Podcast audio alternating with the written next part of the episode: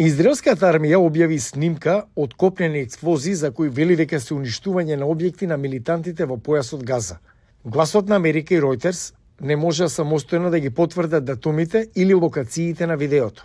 Борбите продолжуваат додека преговарачите од Израел, Египет, САД и Катар, посредникот на Хамас, одржаа разговори во Париз за условите околу договорот за ослободување на околу стотина преостанати заложници на палестинската територија. Темпото на преговорите се менува од час во час. Израелскиот премиер Бенјамин Нетањаху изјави за CBS News дека не е јасно дали договорот за прекин на огнот и заложниците ќе се материализираат од преговорите во Катар. Хамас вели дека Израел ги отфрлил главните барања кои вклучуваат крај на војната окупација на Газа.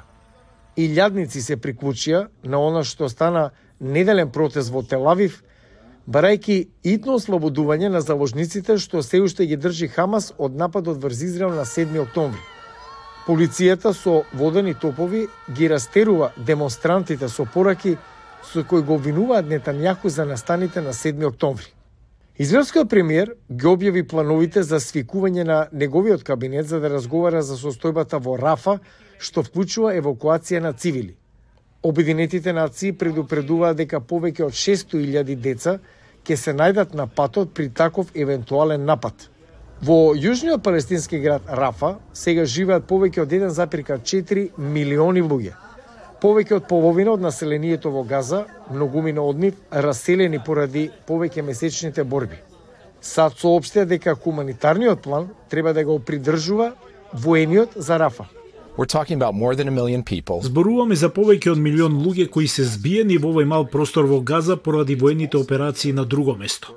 Тоа е област каде што целата хуманитарна помош доаѓа во Газа, за да служи на цела Газа. Јасни сме дека не веруваме дека голема воена операција треба да проложи во Рафа, освен ако не постои јасен план за заштита на цивилите со обезбедување на храна, облека и сместување. Пренаселеноста во Рафа со нови жители го оптоварува здравствениот систем кој веќе е на рап. Дури четири преранородени бебиња делат еден инкубатор.